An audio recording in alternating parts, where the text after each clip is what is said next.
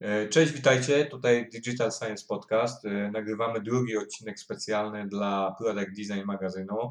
E, w tym odcinku będziemy bardzo dużo rozmawiać o trendach, o tym, jak wyglądają trendy w kontekście usług i, produktów cyfrowych, jak wygląda, wygląda technologia w tym kontekście takim ludzkim dla usług i produktów cyfrowych, jak to, e, jak to się składa, jak to, jak to się mm, przedstawia. E, mamy e, bardzo ważnego gościa. E, naszym, e, naszym gościem jest dzisiaj Sonia Przybył, tak? Dobrze powiedziałam Soniu? Tak, dobrze, wszystko się zgadza. Dzień dobry. Tak, Dobry. cześć, witaj Soniu. Jeszcze się nie pomyliłeś. jeszcze się nie pomyliłem, dobre rzeczy się dzieją na razie, na początku. E, Jest też z nami Paulina Krzysztołowicz, nasz stały redaktor, który w końcu się odnalazł i pojawia się w programie. Jeśli Cześć wszystkim. Jest oczywiście Kuba Burek, cześć Kuba. Cześć. No i jestem ja, Tomek Żmuda, witam Was serdecznie. E, Będziemy rozmawiać, e, jak już powiedziałem na początku, o trendach przede wszystkim, e, ale żeby wszystko miało rączki i nogi, to proszę Cię Soniu, żebyś powiedziała kilka słów o sobie. Kim jesteś, co robisz, gdzie pracujesz, kim jest właściwie ten trend watcher, nie my, ten trend watcher, dobrze powiedziałam? Y, y, Tak, chociaż ja y, nie używam tego stwierdzenia, e, ale to od początku zacznę. Jeszcze raz cześć, dziękuję serdecznie Wam za zaproszenie, jest mi e, niezmiernie e, miło. Poprosiłeś mnie o coś, czego najbardziej nie lubię robić, czyli przedstawiać się, chyba jak wszyscy. E, Więc tak, mam na imię y, Sonia i pracuję od, y, od trzech, prawie trzech lat w firmie, w której też miałam okazję spotkać Paulinkę, ale niedługo niestety nie pracowałyśmy, znaczy pracowałyśmy ze sobą razem, bo niecały e, rok. E, Jest to firma konsultingowa Metafora. Ja zajmuję się w niej badaniem e, i analizą tak naprawdę trendów, ale też e, badań jakościowych, czyli robię wywiady, fokusy, e, no i wszystko związane z, z, jakościówką, bo do jakościówki też należy jakby subdzie- sub, subdziedzina em, socjologii, czyli właśnie em, trendy, czyli tak naprawdę analiza trendów i prognozowanie. Mhm. A powiedz mi, zanim, zanim popędzisz dalej, powiedz mi proszę, jakbyś mogła powiedzieć e, i określić, e, Mhm. czy może jest jakaś książkowa definicja, czym jest tak właściwie trend?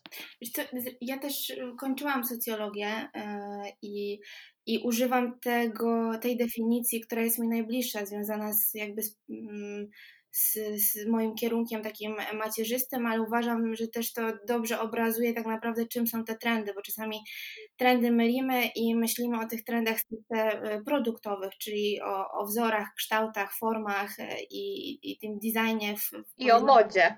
tak, i o modzie i designie w polskim znaczeniu, nie? To, to, I o trendsetterach. inaczej. E, Natomiast jakbym miała użyć takiego stwierdzenia, które też y, zawsze mówię na warsztatach, to trendy to jest proces zmiany, który uwzględnia moment powstania tego trendu i też ważne jest w jakiej grupie on powstaje. I co też jest w, w tym procesie istotne, to jest to, w jaki sposób ten trend przechodzi przez warstwy i struktury społeczne i kiedy on umiera, bo mamy taki moment wyciszenia trendu, czyli tak zwanej śmiertelności.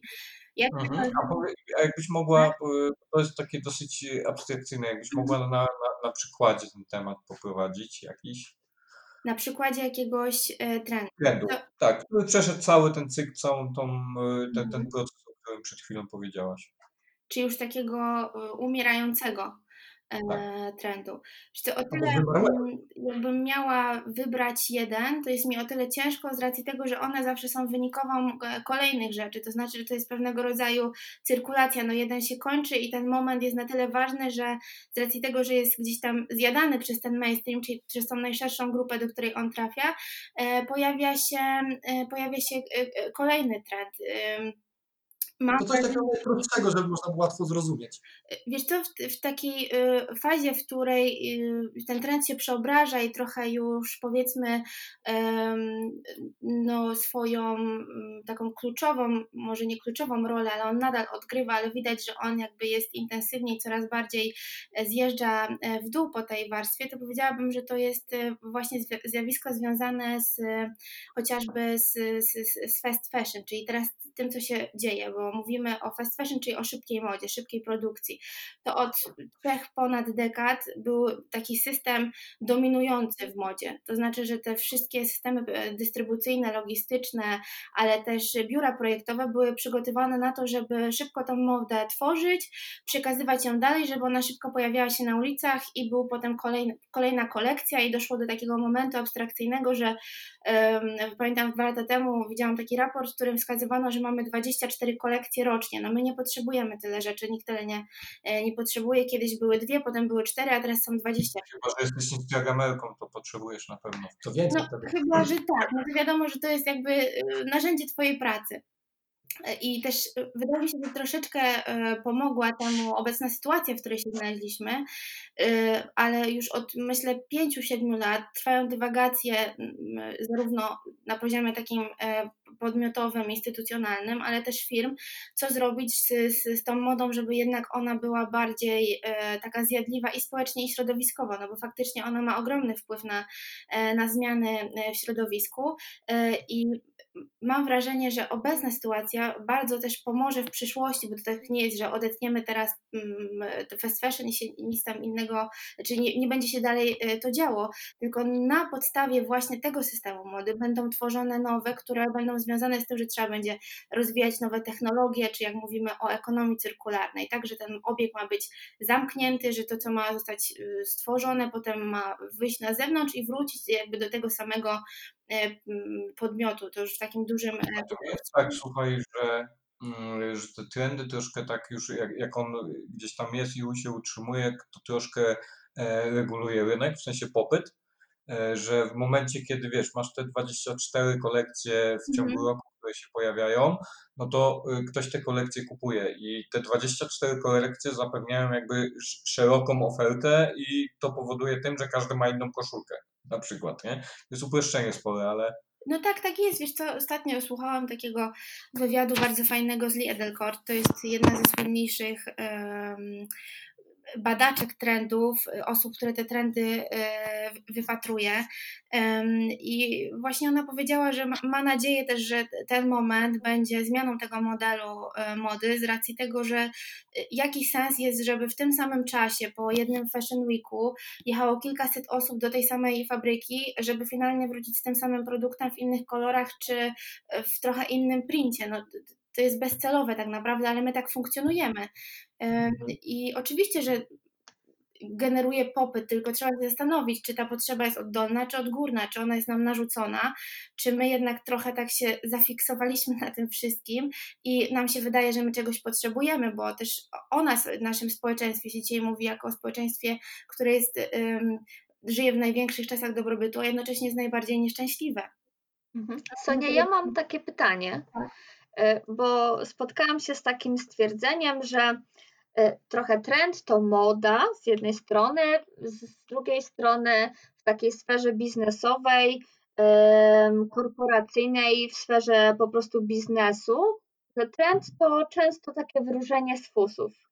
E, jak to, jak to jest? Bo o ile pewne rzeczy rzeczywiście zauważamy, jakieś sygnały zmian, I wydaje mi się, że też właśnie osoby zajmujące się badaniami, analizą e, pewnych zmian społecznych są w stanie na coś zwrócić nam uwagę, no ale z drugiej strony mm, jakby e, zastanawiamy się, czy, czy, czy to, co nam się gdzieś tam wyśniło, to nie jest jakiś abstrakt, czy rzeczywiście to jest możliwe, jak to, jak to wygląda w kontekście takiego trochę zrównoważonego, rozsądnego myślenia w ogóle o trendach. Bo to tak naprawdę zależy na jakim poziomie trendów my operujemy, bo te trendy są różne. Mamy tak zwane megatrendy, które są zjawiskami, dotyczą zmian społecznych bardzo globalnych, szerokich, one y, są wielokontekstowe, one są trochę takie, mm, wiecie, jakbyśmy mówili o, o, o pojęciu, nie wiem, sprawiedliwości czy solidarności. No, różnie może być to interpretowane, tak? Natomiast one nam dają jakiś, jakiś obraz y, szerszej zmiany. A jakbyś mogła powiedzieć o tak, y, przykład takiego megatrendu obecnie w świecie? Przykład takiego megatrendu yy, obecnie w świecie. Ja mam wrażenie, że takim jednym z megatrendów, który jest obecny, to jest to, w jaki sposób zmieniają się, zmienia się miasto. To znaczy, że miasto zaczyna być, z tego co my obserwujemy, takim niezależnym bytem. Niezależnym bytem, który będzie nam jako jednostce e, taką podstawą dla nas, jeśli chodzi o funkcjonowanie. To znaczy, że w nim znajdziemy wszystkie potrzebne nam produkty, już nie będziemy musieli, nie wiem, wędrować, jechać na wieś po przysłowiowych gdzieś tam e, jajka, tylko to wszędzie, to będzie jakby w naszym najbliższym e, środowisku, dosłownie za rogiem.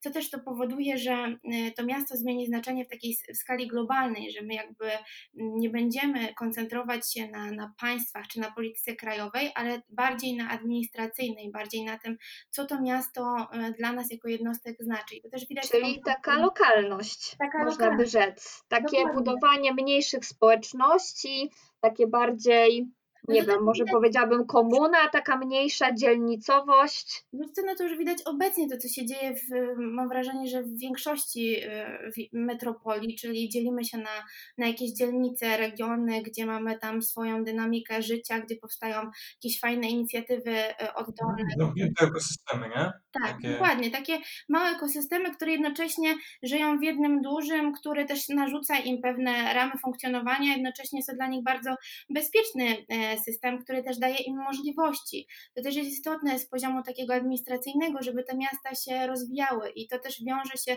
z drugim zjawiskiem, czyli z megametropoliami, z miastami, które zaczynają mieć ogromne obszary, jeśli chodzi o zakres geograficzny, do setek e, kilometrów i one też zjadają pobliskie te prowincje, co powoduje, że miasto robi się wiejsko-miejskie. Mhm. A co po megatrendach? Pomega, tutaj są, wiecie co, różne szkoły i różne nazwy. Ja też y, zawsze mówię na warsztatach, że y, czasami mówimy o tym samym, osoby, które zajmują się trendami, a każdy chce mieć jakąś tam autonomiczną nazwę i to troszeczkę zmieniamy. Więc po tych mega trendach jest takie przejście na, e, niektórzy nazywają, nie wiem, insightami z branży, mezotrendami, czyli takim poziomem pomiędzy, na którym już łatwiej jest nam wykrystalizować pewne scenariusze przyszłości, bo przyszłość przyszłość nie jest jedna, przyszłości jest wiele. I na tym poziomie też budujemy na przykład strategie e, w biznesie. Tak one są, załóżmy mają, nie wiem, okres 5-7 lat. Ja też nie, nie podejmuję się dłuższych takich prognoz niż powyżej 10 lat, bo uważam, że obecnie jest to tak wszystko dynamiczne, że no bardzo niestabilne. I poniżej jeszcze mamy takie mm, mikro, nano, małe trendy, które mm, albo są nazywane właśnie tymi e, sygnałami zmian, które są takie mm, jednostkowe i ciężkie do wychwycenia, albo też z drugiej szkoły dotyczą zmian produktowych, wzorniczych, mm, na przykład, nie wiem, zmiany jakichś surowców e, i takich już bardzo wąskich dziedzin. A Sonia, to y, jakbyśmy pociągnęli ten y, megatrend i, i, i go troszkę zgranulowali, że tak powiem. E, czyli jeżeli mamy ten megatrend, o którym mówiliśmy tutaj, żeby słuchacze mieli ciągłość, że tak powiem, narracji e, i mówiliśmy o tym, że to są miasta i to jest ta lokalność, to są te ekosystemy, no to e, takim trendem, tymi trendami pośrednimi w kontekście tego miasta, bo to rozumiem się w jakiś sposób tak technicznie, być może podejmując szukam jakichś tam stałych odnośnych, nie? Nie wiem, czy to jest, czy to jest mhm. adekwatne, ale e, jeżeli to się w jakiś sposób łączy, no to jakie są trendy towarzyszące, czy te, czy te poniższe, e, poniższe tego megatrendu e, miejskiego? Jakbyś mogła tak na przykładzie, żebyśmy to mogli zrozumieć i sobie osadzić w czasie i przestrzeni. Jasne, jeśli chodzi o na przykład te poniższe trendy, to możemy mówić na poziomie insightów, czyli takich ukrytych wartości i potrzeb. No co to oznacza dla nas w takiej perspektywie też budowania budowania jakiejś strategii, strategii przyszłości w przypadku te, tej niezależności, ale też trochę wiejsko-miejskości y, miasta, powoduje, że zmieniają się nasze relacje, jeśli chodzi o też te najbliższe grupy e, lokalne, co wpływa na to, że coraz więcej na przykład, y, nie wiem, chcemy y, uczestniczyć w jakichś wydarzeniach, które są e, nam bliskie dla, dla, dla danej grupy czy dla danego e, obszaru, w którym jesteśmy, mm, który nas po prostu interesuje, że jest jest kooperatyw, znaczy współpraca, czy tworzą się jakieś wspólne projekty między na przykład, nie wiem, administracją, a jakimiś podmiotami prywatnymi. Co, niżej, co to może dla nas oznaczać, czyli na tym poziomie już takim mikro, to na przykład wdrażania lokalnych produktów, czyli skupienia się na, mm, na budowaniu takich takich już gdzieś tam biznesowych podmiotów, która, w których ta lokalność jest mocno wybrzmiewa z nich, nie? Czy to oznacza, że na przykład taki przedsiębiorca, Mhm. biorąc pod uwagę ten megatrend i te wszystkie sygnały zmian, będzie e, wybierał na przykład produkty z, z, z, bli, z bliższego terenu, nie będzie gdzieś tam eksportował E, surowców z zagranicy, będzie też swoją tak. ofertę produktową czy usługową kierował do tej mniejszej lokalności i nawet przynajmniej jak ja to rozumiem, e, marketing e, i, i całą reklamę może opierać o właśnie bycie w danej mikrospołeczności, tak? Biorąc pod uwagę na przykład Poznań, jestem z dzielnicy Jeżyce, jest bardzo dużo knajp, które nawiązują do właśnie tej mikrospołeczności ludzi mieszkających na tej dzielnicy, robią jakieś eventy, tak, i produkty na przykład biorą po prostu z, e, od lokalnych e, punktów jakichś usługowych. No i to też się trochę wiąże z powrotem do, do przyszłości, czyli utrzymywaniem tych relacji, które my trochę przez technologię gdzieś tam zagubili, może nie zagubiliśmy, ale na pewno zostały zmienione i chociażby w przypadku Jeżyc czy, czy innych dzielnic są e, w Poznaniu po powrót do gwary, czyli coraz więcej restauracji czy firm związane są z, z gwarą poznańską albo odnoszą się bezpośrednio do historii danej ulicy czy danej dzielnicy, bądź też wydarzenia, które miało tam, tam miejsce. I to też pokazuje na takim poziomie już mm, zarówno konsumenta, ale też twórcy tego biznesu, jakie my mamy potrzeby, e, jeśli chodzi o to obudowanie tej relacyjności. Mhm. Ja tutaj mam taką dygresję, słuchajcie, bo Mhm. jak, o tym, co opowiadasz, to ja tą przaszność, którą, o której mówisz, to rzeczywiście ona jest widoczna tam gołym okiem i, e, i coraz, coraz bardziej rozpoznawalna i to jest rzeczy, które ja lubię. Natomiast są takie obszary i, i takie miasta, gdzie ta prza, przaszność e, taka lokalna może być e, źle postrzegana i no chodzi mi tam, nie wiem, Warszawa ma taki ekosystem jakby przepływu życia, że, że o, oczywiście są, e, są te lokalne osiedla, no ale one się bardziej skupiają na tym, że to są jakieś ekskluzywne podmioty, strzelam absolutnie szyję, nie? Mhm. Ale, ale są takie miejsca, które, które powodują, że jakby idą na przekór tego, temu trendowi. Znaczy ta, te, ta, ta lokalność się dzieje, ale ona się nie dzieje w takim dobrym tonie. E, I czy to też jest jakaś tam pochodna, znaczy czy to też jest jakoś w, kontekście trendów nazwane? Wiesz co, Tomku, bo to jest tak, że ja Wam powiedziałam o jakby jednym wycinku, jednym możliwości tego trendu i to też bardzo takim okrojonym aspekcie. E, natomiast on, y, to nie jest tak, że on ma zawsze jeden scenariusz i to nie jest tak, że e, nigdy nie powstaje nic przeciwko, bo jakby zmiany społeczne e, budowane są właśnie na podstawie przeciwieństw. To znaczy, że jeżeli coś, są jakieś dwie zupełnie odrębne e, aspekty, to powoduje, że zachodzi ten proces, czyli e, powstaje ta, e, ta zmiana. Życie w socialu i życie bez internetu tak, i bez technologii. Na dwóch biegunach. I też zawsze pada to, to pytanie na warsztatach, jak, jak je prowadzimy, dlaczego są tylko pokazywane te trendy, no bo one w pewnym stopniu, załóżmy, możemy dać taki miernik, nie wiem, są, są dominujące albo teraz jakby intensywniej się, się pojawiają, ale to nie zmienia faktu, że nie, nie ma innych, które są kontrtrendami. E, I, I tutaj też wiesz, są, są teorie, badania, które to po prostu e, potwierdzają, że no, no nie ma homogenicznego społeczeństwa, nie ma homogenicznej zmiany e, i zawsze będą inne kierunki. Mhm. Ale myślę, że wcześniej jakby może nie było to wtedy nazwane trendami, ale bardziej może, nie wiem, zjawiskami społecznymi czy po prostu mhm. zachowaniami.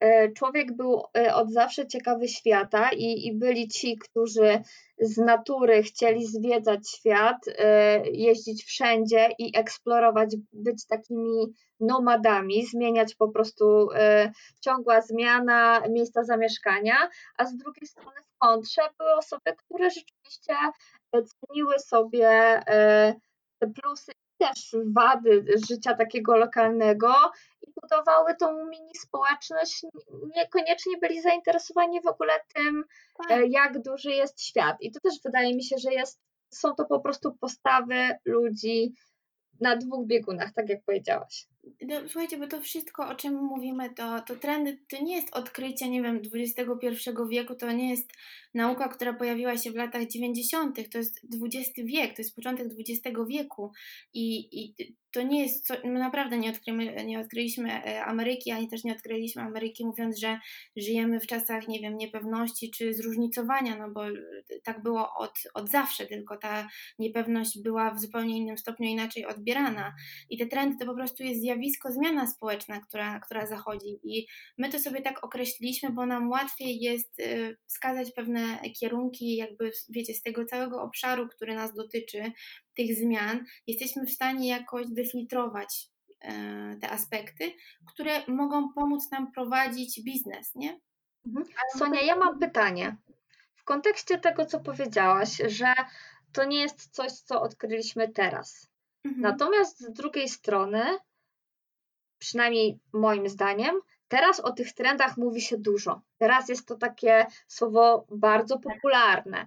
E, przy projektowaniu, przy różnych projektach, obserwując też i warsztaty, jakie się pojawiają dla osób, ten trend watching, tak, e, Mhm.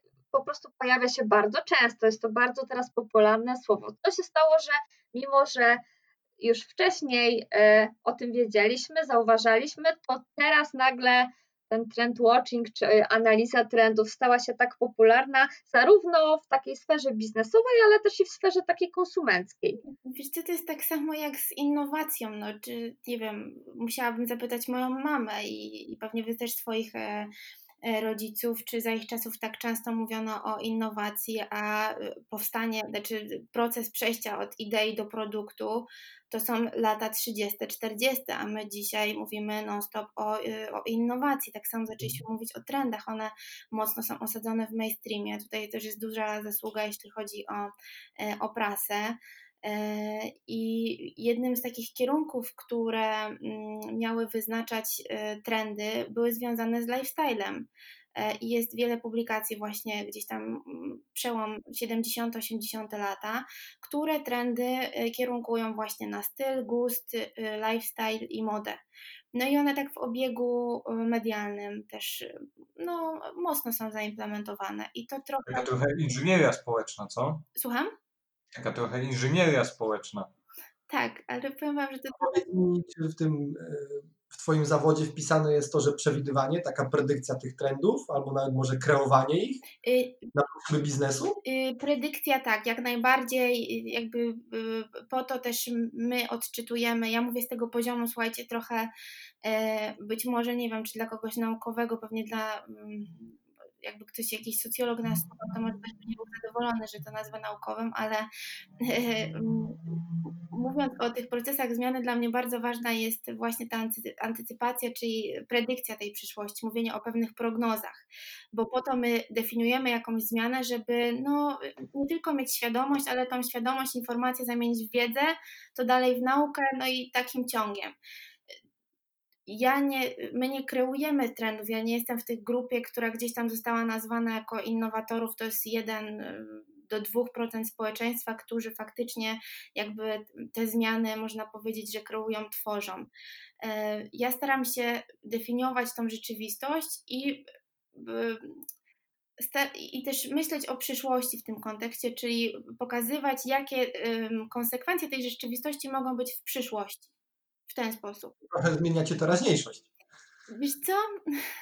Być może dla niektórych na pewno. Ja miałam takie, mam takie doświadczenia, że po jednym z moich warsztatów y, miała pani y, łzy w oczach i podeszła do mnie, chwyciła mnie za rękę, powiedziała, że ona nie wie, czy chce w takiej przyszłości żyć, że jest jej bardzo przykro. I y, to może źle o mnie świadczy, natomiast ja się ucieszyłam, bo uważam, że przynajmniej y, jakoś ta, y, ta perspektywa tych zmian w niej zostanie i być może ona w jakichś kolejnych działaniach będzie o tym myślała i to, to jest... Będzie tym jednym do dwóch y, procent innowatorów, którzy być jednak może, wytyczają tak. inne, inne szlaki. A ja mam w sumie takie pytanie... Na przykład, od... odkrywacie jakiś nowy trend, który będzie w przyszłości, mhm. no i co dalej, tak? Jak to z biznesem później spiąć? Albo z marketingiem?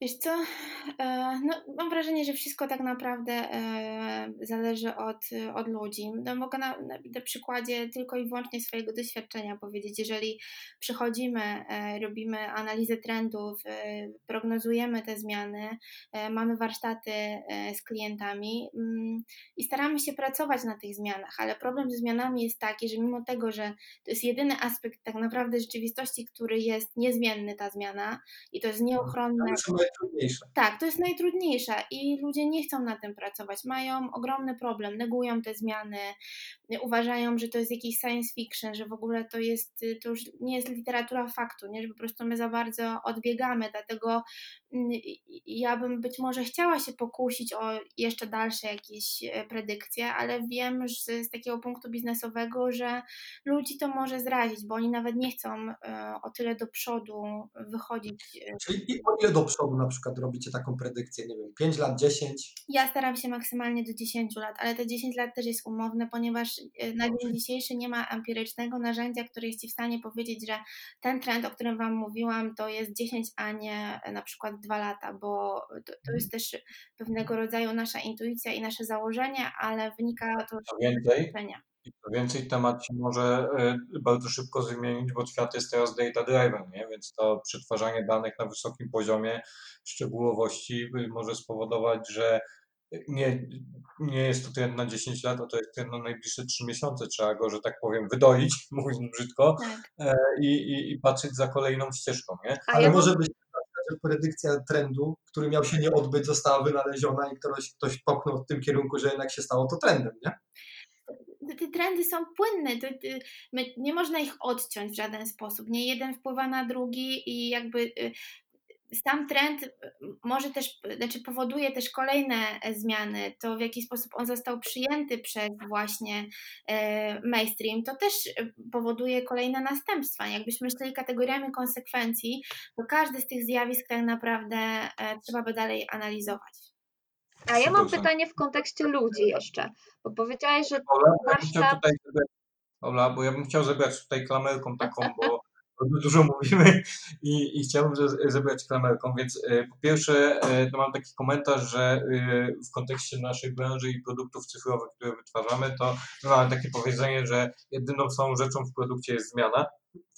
I, I ja bardzo chciałem, żeby to wybrzmiało, żeby o tym mówić głośno, bo to jest bardzo istotne, żeby się do tej zmiany e, w wytwarzaniu czegokolwiek, dostarczaniu czegokolwiek przygotować. I też e, chciałbym, żeby wybrzmiało dla naszych słuchaczy bardzo ważna rzecz, że jeżeli posługujemy się trendami, to te trendy niejako mogą nas fokusować i budować nam segmentację naszych usług. I to też jest bardzo istotne w tym, e, jak my ten produkt dostarczamy, jak my ten produkt zmieniamy. Nie? Więc ta stała obserwacja, to stałe badanie, czy trendów, czy w ogóle danych, które przychodzą, jest bardzo istotne. Nie? I to tyle ode mnie i możemy lecieć dalej. A to fajnie, że podsumowałeś, bo ja tak naprawdę chciałam dodać jeszcze jedno, że trendy tworzą ludzie. E, mhm. I chciałam zapytać o tych ludzi, bo z jednej strony mamy tych innowatorów, te 1 do 2% ludzi, którzy wyznaczają jakąś zmianę. Mamy tych, którzy obserwują te sygnały zmian, no ale mamy też przedsiębiorców, takich, którzy przychodzą na taki warsztat i ich postawa jest zamknięta. E, jakie cechy powinna mieć osoba, albo co zrobić, żeby być po prostu otwartym, mimo wszystko na te trendy, to jest raz. A dwa, pod dyskusję poddaję, czy to nie jest trochę tak, że u nas w Polsce ciężko jest pracować na trendach, ponieważ mamy taką przypadłość, że uważamy, że jest zawsze jedno rozwiązanie danego problemu. Jedno jedyne. Nie ma kilkunastu dróg do mhm. tego samego efektu. Tylko jeżeli już mamy jakiś problem, musimy mieć jedno rozwiązanie, każda inna ścieżka jest dla nas trudna, i po prostu boimy się tego, że idąc gdzieś inaczej, możemy popełnić błąd. Czy ty się, Sonia, z tym zgadzasz? Ja się z tym zgadzam. Y, jakby takie cechy, y, nawet kiedyś pamiętam, prowadziłam takie ćwiczenie, jakie cechy y, powinna mieć osoba, która chce obserwować te trendy, ale mm, powiem tak, na pewno to jest pewnego rodzaju wyjście ze strefy e, komfortu. E, swojej, bo to, nie jest łatwe. Praca ze zmianą, szczególnie, że my mówimy, a ta jest dobra, ta jest zła, ta mi się nie podoba, tej bym nie chciał, ja tak nie chcę żyć. Więc takie też podejście od razu do negowania tych zmian, bo są dwie grupy. Jedna z tych grup od razu neguje te zmiany i twierdzi, że no way, w ogóle nie ma opcji, a druga jest taka, to się nazywa taki efekt polien, że zakłada różowe okulary i zawsze w tej nawet fatalnej zmianie, na przykład tej zmianie, która dzisiaj się e, dzieje, ona z wielu aspektów jest dla nas e, negatywna, widzi coś dobrego, nie? E, I to są też takie skrajności. Jeśli chodzi o o to, dlaczego my też tak myślimy, to mam wrażenie, że tutaj dużą rolę odgrywa jednak edukacja. To, że nam jest, jakby jesteśmy nauczani tego, że zazwyczaj masz jedną ścieżkę, e, która prowadzi cię do. To jest tak. straszne. I, I my też mamy z Pauliną wspólne doświadczenie, bo e, pracowałyśmy przez chwilę, ja przez dłuższą, stety, w liceum prowadziłyśmy zajęcia. O, tak. Więc na własnej skórze e, dotknęłyśmy tego, w jaki sposób też e, ta edukacja wygląda od tej drugiej strony. I faktycznie e, przez to, że, że mamy tam jedną ścieżkę, albo jest ona gdzieś tam mocno puszowana, żeby tak była, no to staramy się wychodzić, sprawdzać inne podwórka, trochę mm, trochę też kreować pewne rozwiązania. Zresztą to widać w procesach projektowych, bo y, ja też w nich uczestniczę, ty, ty, ty je prowadzisz, więc kiedy wchodzimy na ten poziom kreacji nagle ludzie mają wymyślać jakieś y, rozwiązania, a nie są do tego w takim dniu codziennym, nie mają na to przyzwolenia, to jest im trudno, strasznie. Tutaj nie ma się y, zupełnie co, co dziwić, nie? Jakby taka, taką postawę trzeba przyjąć i z nią też po prostu pracować i trochę nad nią. Trzeba nauczyć ludzi, ludzi myśleć kreatywnie. Wiesz to, nie, nawet nie tyle co kreatywnie, a znaczy kreatywnie i trochę mm, i trochę też krytycznie, bo y, no potem z tego zbioru tych fajnych pomysłów, a możemy ich wiadomo, że w, w kilka godzin czy w godzinę e, zrobić kilka, kilkanaście bądź też kilkaset, musimy jednak e, tak jak oddzielić te, które są warte uwagi. To tak jak z informacją, nie? Naturalne. Tak, urealnić to wszystko pewnie czynnikami, czy nam się to zwróci, czy to ma sens i czy mamy na to budżet, które też no, nie pobudzają do, do kreatywności. Mhm. A powiedz mi, Sonia, w kontekście tej postawy takiej, no powiedzmy, negatywnej, mhm. czy spotkałaś się z taką postawą e, rzeczywiście klienta, który po pierwsze przyjął to na klatę, był otwarty na te trendy e, i rzeczywiście pracował z tymi trendami i ta praca e, zaowocowała, czy to produktem, czy usługą, czy jakimś wdrożeniem, tak? I widać, że ta analiza po prostu weszła niejako e, na stałe do, e, w trakcie myślenia w ogóle nad nowym. Ja bym to nazwał nawet literalnie, że czy zmienił swój biznes. O, stworzył od nowa. Powiem mhm. tak, y, mam takie, y, takie doświadczenie y, dosyć niedawno, bo to było chyba na koniec zeszłego roku. To była bardzo mała, mała, maluteńka firma, znaczy maluteńka, duża firma, powiedzmy produkcyjna, serwisowa, natomiast osób, które były na stanowiskach zarządzających było bardzo mało, w tym dwójka właścicieli. Nigdy wcześniej, a firma miała 30 lat, nie robili żadnych strategii. Ja znam wiele firm, które tak funkcjonują i funkcjonują świetnie. Nie mają marketingu, nie mają PR-u, po prostu żyją własnym życiem. Nie? Procesy projektowe, w ogóle wymyślanie jakichś nowych produktów to jest dla nich totalna abstrakcja. I ja się bardzo cieszyłam na ten proces, ponieważ no zazwyczaj pracujemy z firmami, które są w tych procesach i, i mają strategię, gdzieś tam je aktualizują, czy starają się e, tworzyć nowe produkty, a to ich było takie, takie pierwsza, pierwsze podejście. I powiem Wam szczerze, to był jeden z moich najciekawszych warsztatów, ponieważ te osoby się tak zaangażowały w tą pracę, e, tak jakby potrafiły, dały sobie też przyzwolenie na to, żeby móc y, generować jakieś rozwiązania, żeby dawać pomysły swoim szefom na to, jak można firmę rozwinąć.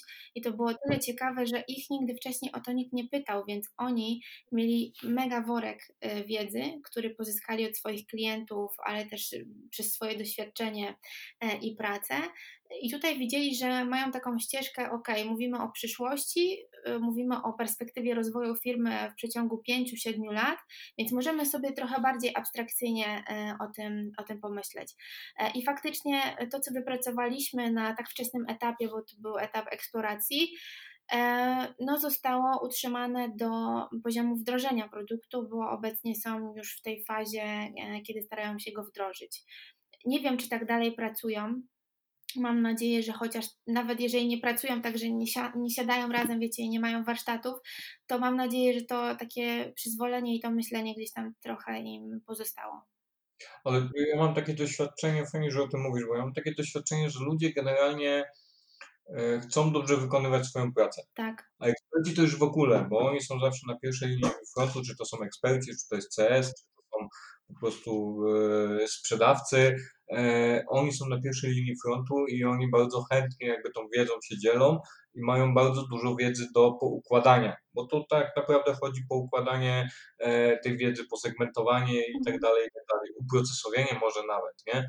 Przed tym się często broni sprzedaż, na przykład bardzo często to mamy takie doświadczenia tak. z Kubą, e, że prze, sprzedaż się przed procesami broni, ale mimo wszystko to jest ta pierwsza linia frontu, z którą warto rozmawiać i to, e, jeżeli to wyjdzie od nich, oddolnie, no to wtedy piękne rzeczy się dzieją, nie? Tak, bo oni mają najbliższy to z klientem i wiedzą, co klientowi tak naprawdę potrzeba, tak? Czy czego mu brakuje. Tak. A ja mam takie jeszcze doświadczenia, dwa w sumie, w kontekście trendów. Z jednej strony mam takie doświadczenie, że na warsztacie, kiedy e, pamiętam taki jeden warsztat z instytucją finansową, dosyć dużą, e, gdzie na warsztacie, całym warsztacie poświęconym naprawdę trendom, tak, mhm. zainspirowaniu się na poziomie e, innowacji został przyjęty e, trochę jak po prostu kopiowanie e, zagranicznej konkurencji. Tak, że, że trendy to jest tak naprawdę inspirowanie się innymi i przekładanie może nie jeden do jeden rozwiązań, no ale mimo wszystko rozwiązań na, na rynek polski, które jeszcze nie zostały na przykład wdrożone. To jest jedno jakieś takie moje doświadczenie, jakie, jakie, jakie też mam z trendami, takie warsztatowe. Ja się cieszę, że o tym strasznie powiedziałaś z dwóch aspektów, ponieważ e, ja mam jakąś taką, nie wiem, pewnie to jest moje osobiste na jakichś mapach psychologicznych wyhodowane, e, że nie za bardzo e, ja traktuję osobiście trendy jako inspirację. Dla mnie to jest jeden, jedno z narzędzi, które pozwala nam badać rzeczywistość jakościowo i mówić też o tym, co się być może wydarzyć może w przyszłości. E, dlatego staram się e, nie traktować ich jako inspiracji, a wiem z doświadczenia, e, bo pracowałam dosyć długo w branży mm, modowej, że inspiracja to jest tak naprawdę imitacja z zachowaniem 30% własnego pomysłu, żeby nie była plagiatem. I jak myślimy w tych kategoriach, to, mm, to, to, też nie możemy oczekiwać, słuchajcie, potem tej kreatywności, innowacyjności, o której ciągle mówimy. Nie? Przykładem, przykładem e, takim właśnie, e, który gdzieś tam e, pamiętam w nawiązaniu do tego, co przed chwilą powiedziałam o tym moim case'ie, to jest to konto, ta taka skarbonka, która w banku w Ameryce po prostu zaproponowano ją, tak, czyli płacę, a dopełniam i do pełnej kwoty i zostawiam na jakimś tam koncie oszczędnościowym. Potem wszystkie banki w Polsce miały dosłownie ten sam produkt, e, tylko w zależności od tego, czy to było na koncie, czy na karcie, tak, płacimy, zaokrągla nam tutaj i, i wrzuca nam na konto oszczędnościowe, ale jeszcze mam inne doświadczenie, jeżeli chodzi o trendy. I też bym chciała, żebyś to jakoś skomentowała. Bardzo często spotykałam się z, z perspektywy klienta prośbę o analizę trendów w danej branży. Mhm. Na przykład w branży modowej, na przykład w branży jakiejś medycznej, na przykład w branży informatycznej, y, gdzie tak naprawdę rolą tego Trend Watchera czy obserwatora analityka trendów było przygotowanie materiału, jakaś tam analiza i wysłanie tego do klienta. Co się z tym dalej dzieje? Czy, czy ludzie nad tym pracują? Czy to jest tylko i mhm. wyłącznie materiał przygotowany do szuflady, zapłacone, bo mieliśmy kasę w budżecie?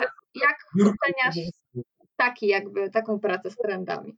To jest super pytanie, Paulina. Bo właśnie co musi się wydarzyć, żeby mieć raport i za tym raportem, żeby szły działania, żeby działy się rzeczy. Co się musi wydarzyć? Rzecz bardzo prosta, musi się wydarzyć praca tak naprawdę, bo to, czy to będzie raport o trendach, czy to będzie e, ilościówka, dane jakieś inne statystyczne, czy, czy nie wiem, e, opisy badań fokusowych, tak samo wszystko możemy schować do szuflady i nic z tym nie zrobić. Możemy to przeczytać, a potem schować do szuflady i nadal nic z tym nie zrobić. Jeżeli my nie wykonamy nad tym jakiejkolwiek pracy, to znaczy może to być praca, nie wiem, warsztatowa, e, może to być rozmowa z kimś, czy jakby wgłębienie się w ten temat e, i to zależy bardzo w dużym stopniu od tego, e, kto pracuje w tej organizacji albo jak ta organizacja jest zarządzana.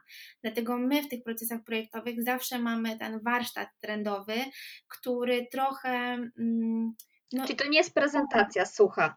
Nie, to, nie to jest praca nie, no to, jakby dostają klienci raport wcześniej, mają czas się z nim zapoznać e, i ta wiedza potem gdzieś, to nie jest żaden sprawdzian, nic takiego, ale no trochę jest weryfikowane, bo wiemy mm, na jakim poziomie e, później możemy rozmawiać o tych, o tych trendach, więc wiadomo, że jest jakaś e, krótka, krótka bądź też dłuższa, w zależności od zakresu, prelekcja, jakie zmiany my zauważyliśmy, na czym będziemy pracować, a potem jest praca z tymi trendami. I do tego też mamy szereg różnych narzędzi, które są na warsztatach e, wykorzystywane.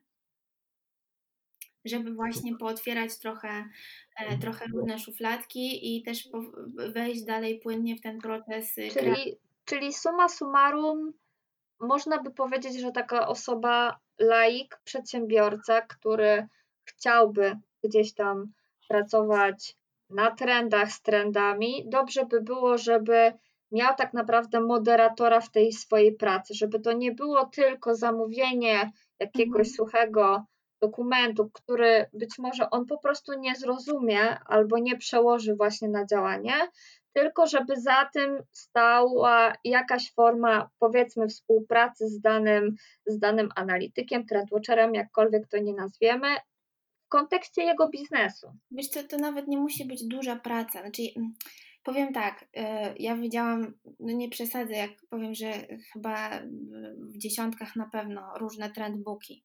Jeżeli mamy trendbook, który składa się z samych obrazów, zdjęć, nie wiem, z wystaw, zdjęć produktów i mhm. jest krótka adnotacja, no to ciężko jest cokolwiek z tego człowiekowi, który widzi to pierwszy raz, zrozumieć, wywnioskować, no co on ma dalej z tym zrobić. Obejrzy sobie to jak gazetę i odłoży na półkę. Ja mam świadomość, że tak się dzieje.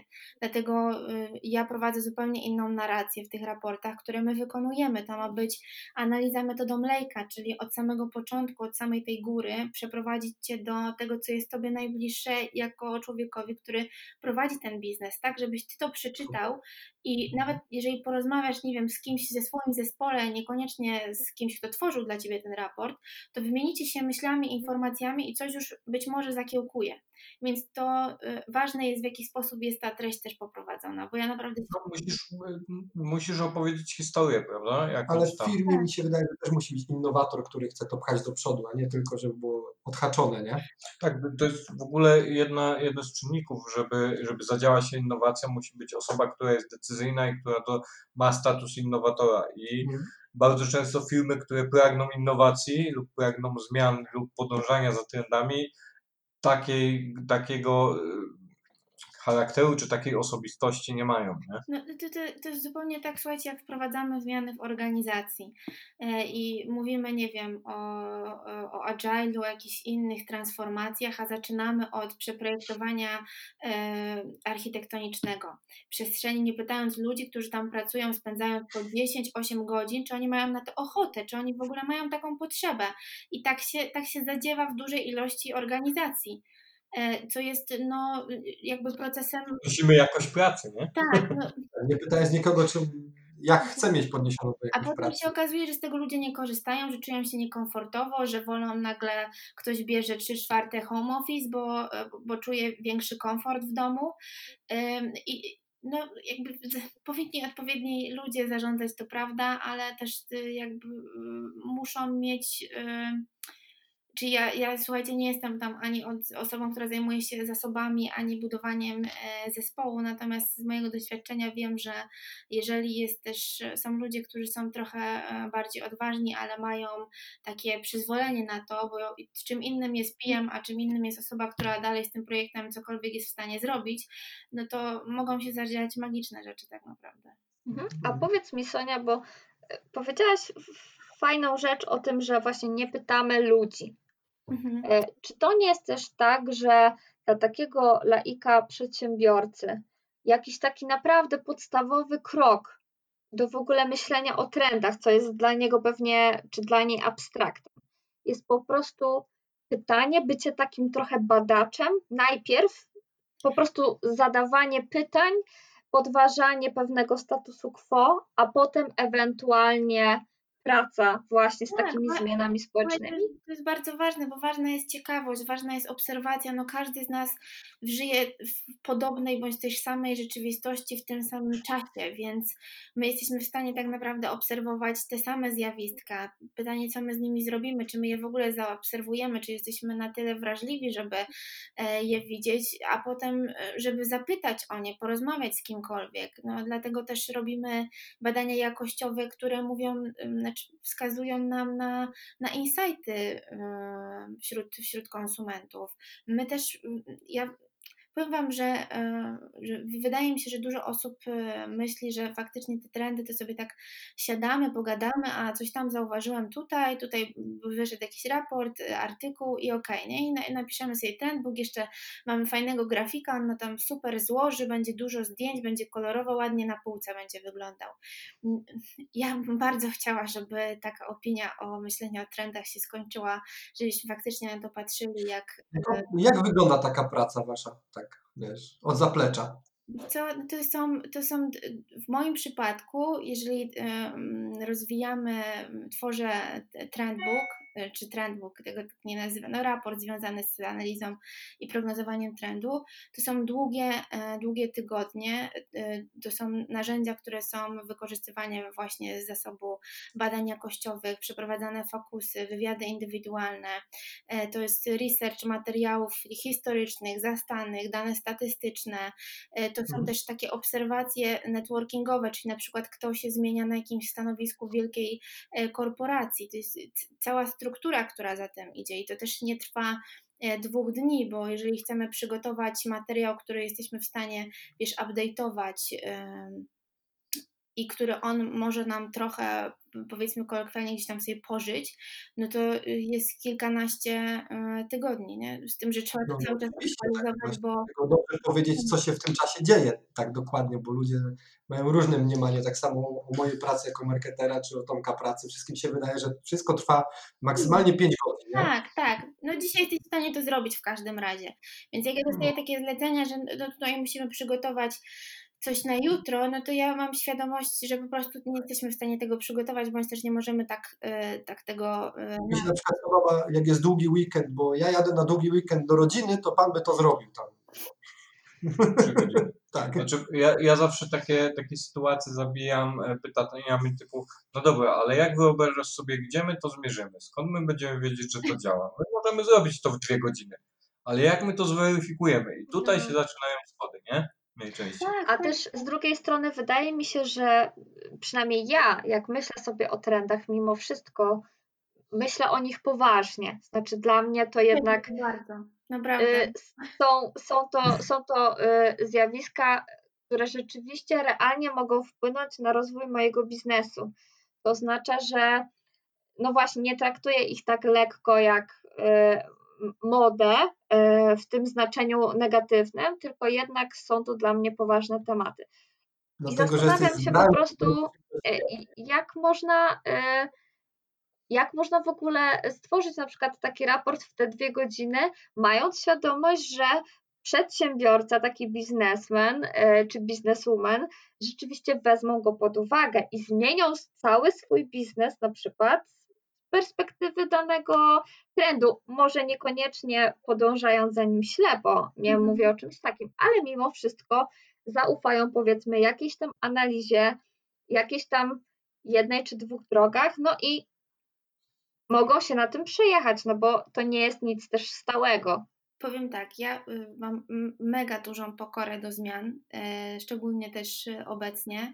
E, I ja bym takiego zlecenia się na pewno e, nie podjęła, e, bo mm, oczywiście mogłabym opowiedzieć o swoich doświadczeniach, o tym, co wiem na ten moment i w zależności od tego, czego ten człowiek by ode mnie oczekiwał, ale mm, no, dwie godziny czy dwa dni na zrealizowanie czegoś takiego jest to ciężkie, nawet chociażby, żeby usiąść i wiedzieć to, co masz gdzieś tam zapisane, czy już uszykowane jako materiał, na którym pracujesz. To czasami te dwa dni e, e, nie starczają. Więc to jest trochę takie, mm, nie wiem, czy, czy być może dla mnie teraz jeszcze e, nierealne wyzwanie. Wtedy można się umówić na inną formę, po prostu jakąś warsztatową i popracować z To nie jest dla nikogo takie wyzwanie, po prostu się tego nie da fizycznie zrobić, żeby to było dobrze. Nie? Ja tutaj, słuchajcie, chciałbym postawić przecinek i, i, po, i podsumować troszeczkę, bo, e, bo pędzimy. To jak Mm. podsumowujesz, to wszyscy teraz piją No, idealnie. E, Słuchajcie, więc e, mi się wydaje, że po pierwsze e, powinniśmy taki przekaz zbudować dla naszych słuchaczy, że e, to, że trzeba pewne rzeczy badać i, i analizować, i że to wymaga czasu, to jest, e, to jest rzeczą, rzeczą bardzo istotną i te badania, te koszty w badania zawsze przynoszą, przynoszą zy- zyski i to jest zawsze. Z mojego punktu widzenia zawsze badania przynoszą, przynoszą zyski. Natomiast to wszystkie widzi mi się i wydaje mi się, to są, jak to się mówi w statystyce, dowody anegdotyczne, które totalnie nic nie wnoszą do, do, do procesu. Więc e, podsumowując, unikamy dowodów anegdotycznych, badamy i dowiadujemy się o naszej przestrzeni, o trendach, które w naszej branży e, funkcjonują. E, Ja bym jeszcze od siebie dodał, że, e, że warto pracować z ludźmi, warto pracować e, z warsztatowo i poznawać różne punkty widzenia, różne doświadczenia, różne poziomy eksperckości, bo to zawsze przynosi korzyści. To, to ja jeszcze jak mogę od siebie, tak też tytułem podsumowania, to myślę, że to, co fajnie byłoby wziąć pod uwagę, to to, że trendy to jest poważna metoda, poważne zjawiska, które warto brać pod uwagę. Nie traktujmy ich lekko z jakimś przymrużeniem oka, że jest to pewna moda w projektowaniu czy w tworzeniu strategii. Tak nie jest. E, więc po prostu pracujmy z nimi realnie jak na narzędziach projektowych do projektowania rzeczywiście dobrych, e, dobrych biznesów.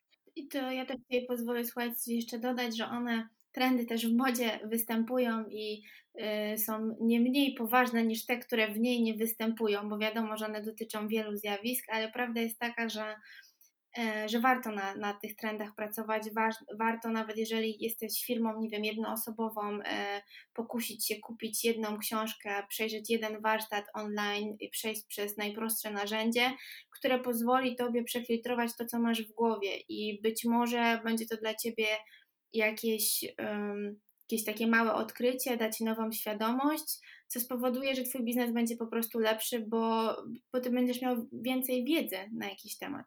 Możesz polecić jakąś książkę? Jasne i nawet zostałam przygotowana Na koniec, na koniec, poproszę na koniec. Książki zawsze na koniec. Dobrze, dobrze, przepraszam. Ja tu już Sonię przygotowałam na to, że my bardzo lubimy książki, także trzeba Mam, polecać. Leżą, czekają na moment swój. O, Książki zawsze na koniec. Eee, super, fajnie, że podsumowaliśmy. Kuba, dwa słowa podsumowania chcesz do tego etapu? nie no, to już powiedzieliście wszystko. No, trzeba badać rzeczy i tyle. No. Tak. Data drive'em przede wszystkim teraz jest. Wszędzie i zawsze. Nie? Dane są bardzo istotne. Nie wiem, czy wiecie, ale my mamy w nazwie podcastu Digital Science Mhm. E, Rozmawialiśmy dużo o warsztatach, o ludziach, którzy są e, istotną częścią technologii, jak nie kluczową, e, jakąkolwiek, ale ja bym chciał, żebyśmy teraz troszkę oparli się o tą technologię e, Sonią i e, porozmawiali o tym, jakie są trendy na styku technologii, e, e, service experience, e, nie wiem, czyli, czyli jakby doświadczeń e, dla usług użytkownika, doświadczeń użytkownika i w ogóle, czy takie trendy znajdujesz w technologii, jak technologia, bo technologia też jest pewną, jakby pewnym wektorem zmian, który, który trendy generuje, więc jak, jak to wygląda z Twojego punktu widzenia? Tak, no technologia szczególnie obecnie dla nas, dla naszego społeczeństwa, to jest jedna z kluczowych sił, które te trendy kształtuje, jednocześnie też inne e, popycha i one są, powtórzę, ze sobą e, powiązane i nie ma jednego odrębnego, który będzie sobie tam gdzieś lawirował. E, on zawsze, zawsze mają ze sobą jakąś styczność i są, są zależne. E, Jeśli chodzi o, o, o to, co Ty powiedziałeś, to mm, ja ostatnio e, pracowałam nad, nad tematem doświadczania i personalizacji jako takich kierunków i trendów, które są no wiadome już nam od paru, paru e, lat. E, I, I to widzę, że to doświadczanie się trochę zmienia e, w przeżywanie dzięki właśnie technologii. To znaczy, że przechodzimy na troszeczkę wyższy level, e, pozwalając nam chociażby sensorycznie i sensualnie odczuwać bliskość drugiego człowieka za pomocą technologii, ale też, nie wiem, ostatnio czytałam raporty dotyczące zmian, jeśli chodzi o produkty, które są produktami z kategorii y, kosmetycznej, beauty e, i są takie założenia, że w najbliższym czasie będziemy mogli nie tylko wąchać zapachy, y, ale też y, jakby je ze sobą e, współtworzyć, robić jakieś rozmaite, wiecie, fuzje. e, fuzje Takie perfumy indywidualne? Tak, ale nie takie, bo jak mówimy o personalizacji, słuchajcie, ja mam takie reality. w głowie taki, taki case, że personalizacją na przykład jest to, że możemy sobie wybrać, nie wiem, e, kolor podeszwy w bucie, albo to, czy dostawa będzie e, do drzwi, czy jednak do paczkomatu, że ta personalizacja to jest bardzo taka e, segmentowa, a personalizacja... Co? To, to ja muszę Ci mhm. troszkę przerwać, bo ja personalizację rozumiem i podejrzewam, że większość użytkowników może nie werbalnie, ale, ale też rozumiem personalizację w taki sposób, że ja dostaję w momencie, kiedy tego potrzebuję, daną rzecz. Okej, okay, ja rozumiem to, y, jak ty to rozumiesz, natomiast z takiego doświadczenia, jak to jest, wiesz, wdrażane, patrzyłam na ostatnio E, case'y, że ta personalizacja to jest tak naprawdę segmentowanie sobie fajnych e, grup e, konsumentów, którzy mają podobne potrzeby i wartości i im na takim poziomie indywidualnym jest zmawiane, że to jest usługa czy produkt indywidualny dla nich, chociaż jakbyśmy mówili z poziomu psychologicznego, czym jest indywidualność, indywidualizm, to nie jest grupa jednostek, nie, to jest jednostka jako ty, więc personalizacja też ma się zmienić do takiego poziomu, że to będzie odpowiadało tobie interpersonalnie, a nie tobie jako elementowi pewnego zbioru, pewnej kohorty e, ludzi.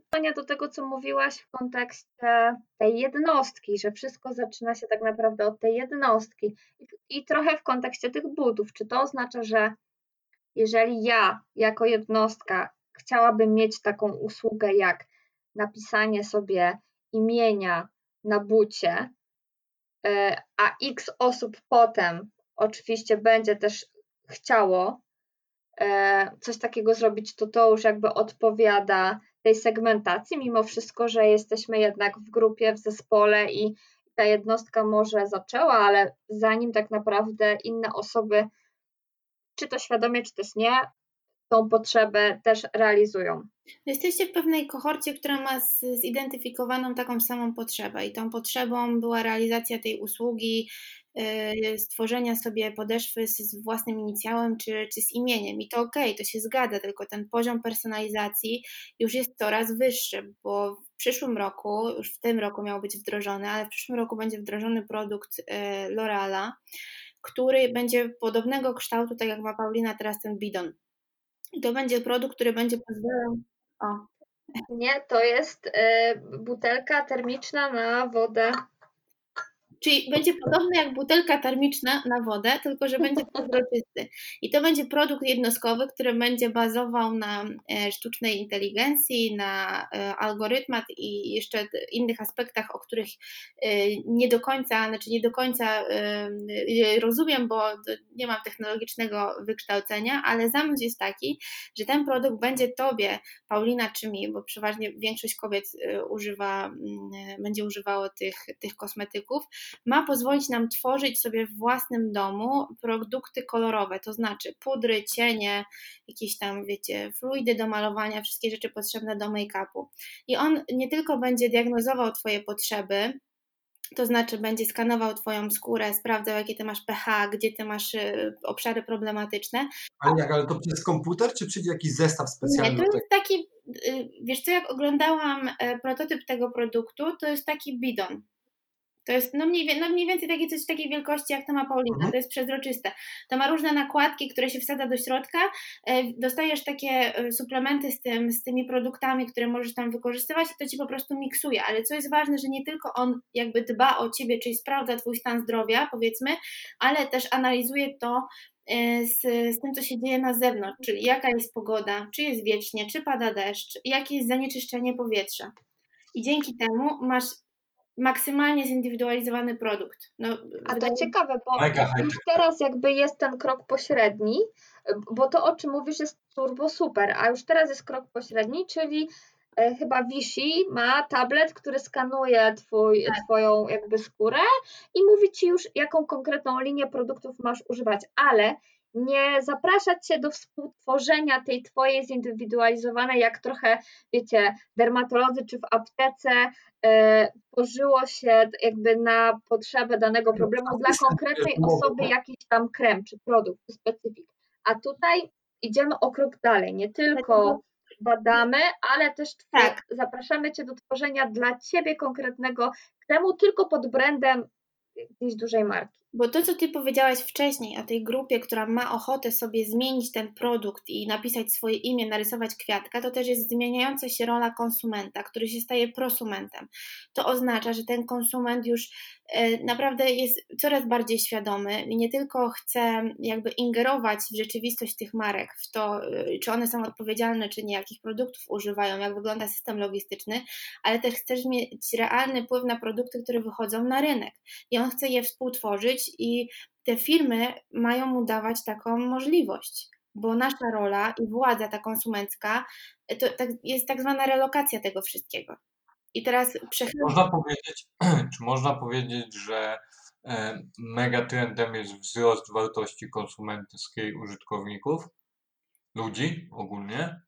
Czy to jest trend, czy to jest po prostu, nie wiem. To, no to jest pewnego rodzaju zmiana. Musielibyśmy, y, musiała, musielibyśmy to bardziej przeanalizować. Na pewno jest taka tendencja, że faktycznie jest ta relokacja władzy, co powoduje, że ta wartość nasza jako konsumenta y, może, nie wiem, czy tylko pozornie nam się wydaje, że jest większa, czy nie, ale faktycznie trzeba było to jeszcze, e, jeszcze zbadać. Natomiast taką wstępną hipotezę możemy, możemy sobie postawić. Ale z drugiej strony, w kontekście produktów cyfrowych, z mojej perspektywy, tak, przecież samo to, jak robimy, nie wiem, testy AB, czy badamy, czy użytkownicy chcą kliknąć w ten przycisk, czy bardziej podoba im się taki kolor, czy nie.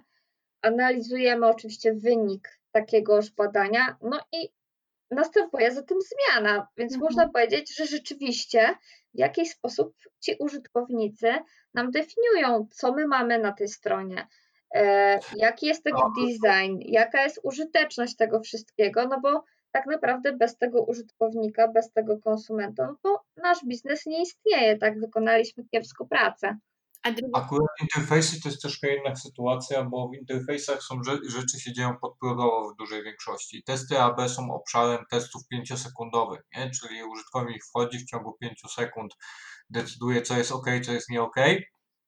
I na tym polegają testy AB. I my działamy tutaj troszkę na podświadomości użytkownika i budujemy te wzorce, E, jakby e, wynikające z jego przyzwyczajeń, nie? Których, których on tak naprawdę generuje, bo jakbyś porozmawiała z użytkownikiem jakimkolwiek i go zapytała, dlaczego on kliknął wersję A albo wersję B, on by ci zaczął szyć, a bo kliknąłem, bo tu jest but, on zaokrąglony i to nie miałoby nic, nic wspólnego z No realiami. to y, słuchajcie, też wiąże y, z kolejnym aspektem trendów, czyli tak zwanymi memami. I tu nie mówię o memach tych, które my sobie przesyłamy, tylko o memetyce, czyli o tych rzeczach, które trafiają do naszego mózgu, które pozwalają nam też y, dominować pewne, pewne struktury i zachowania. I, I jedne rzeczy robimy bezwiednie, drugie z większą y, świadomością. I ja tutaj się zgodzę y, z tym, co, z tym, co ty powiedziałeś.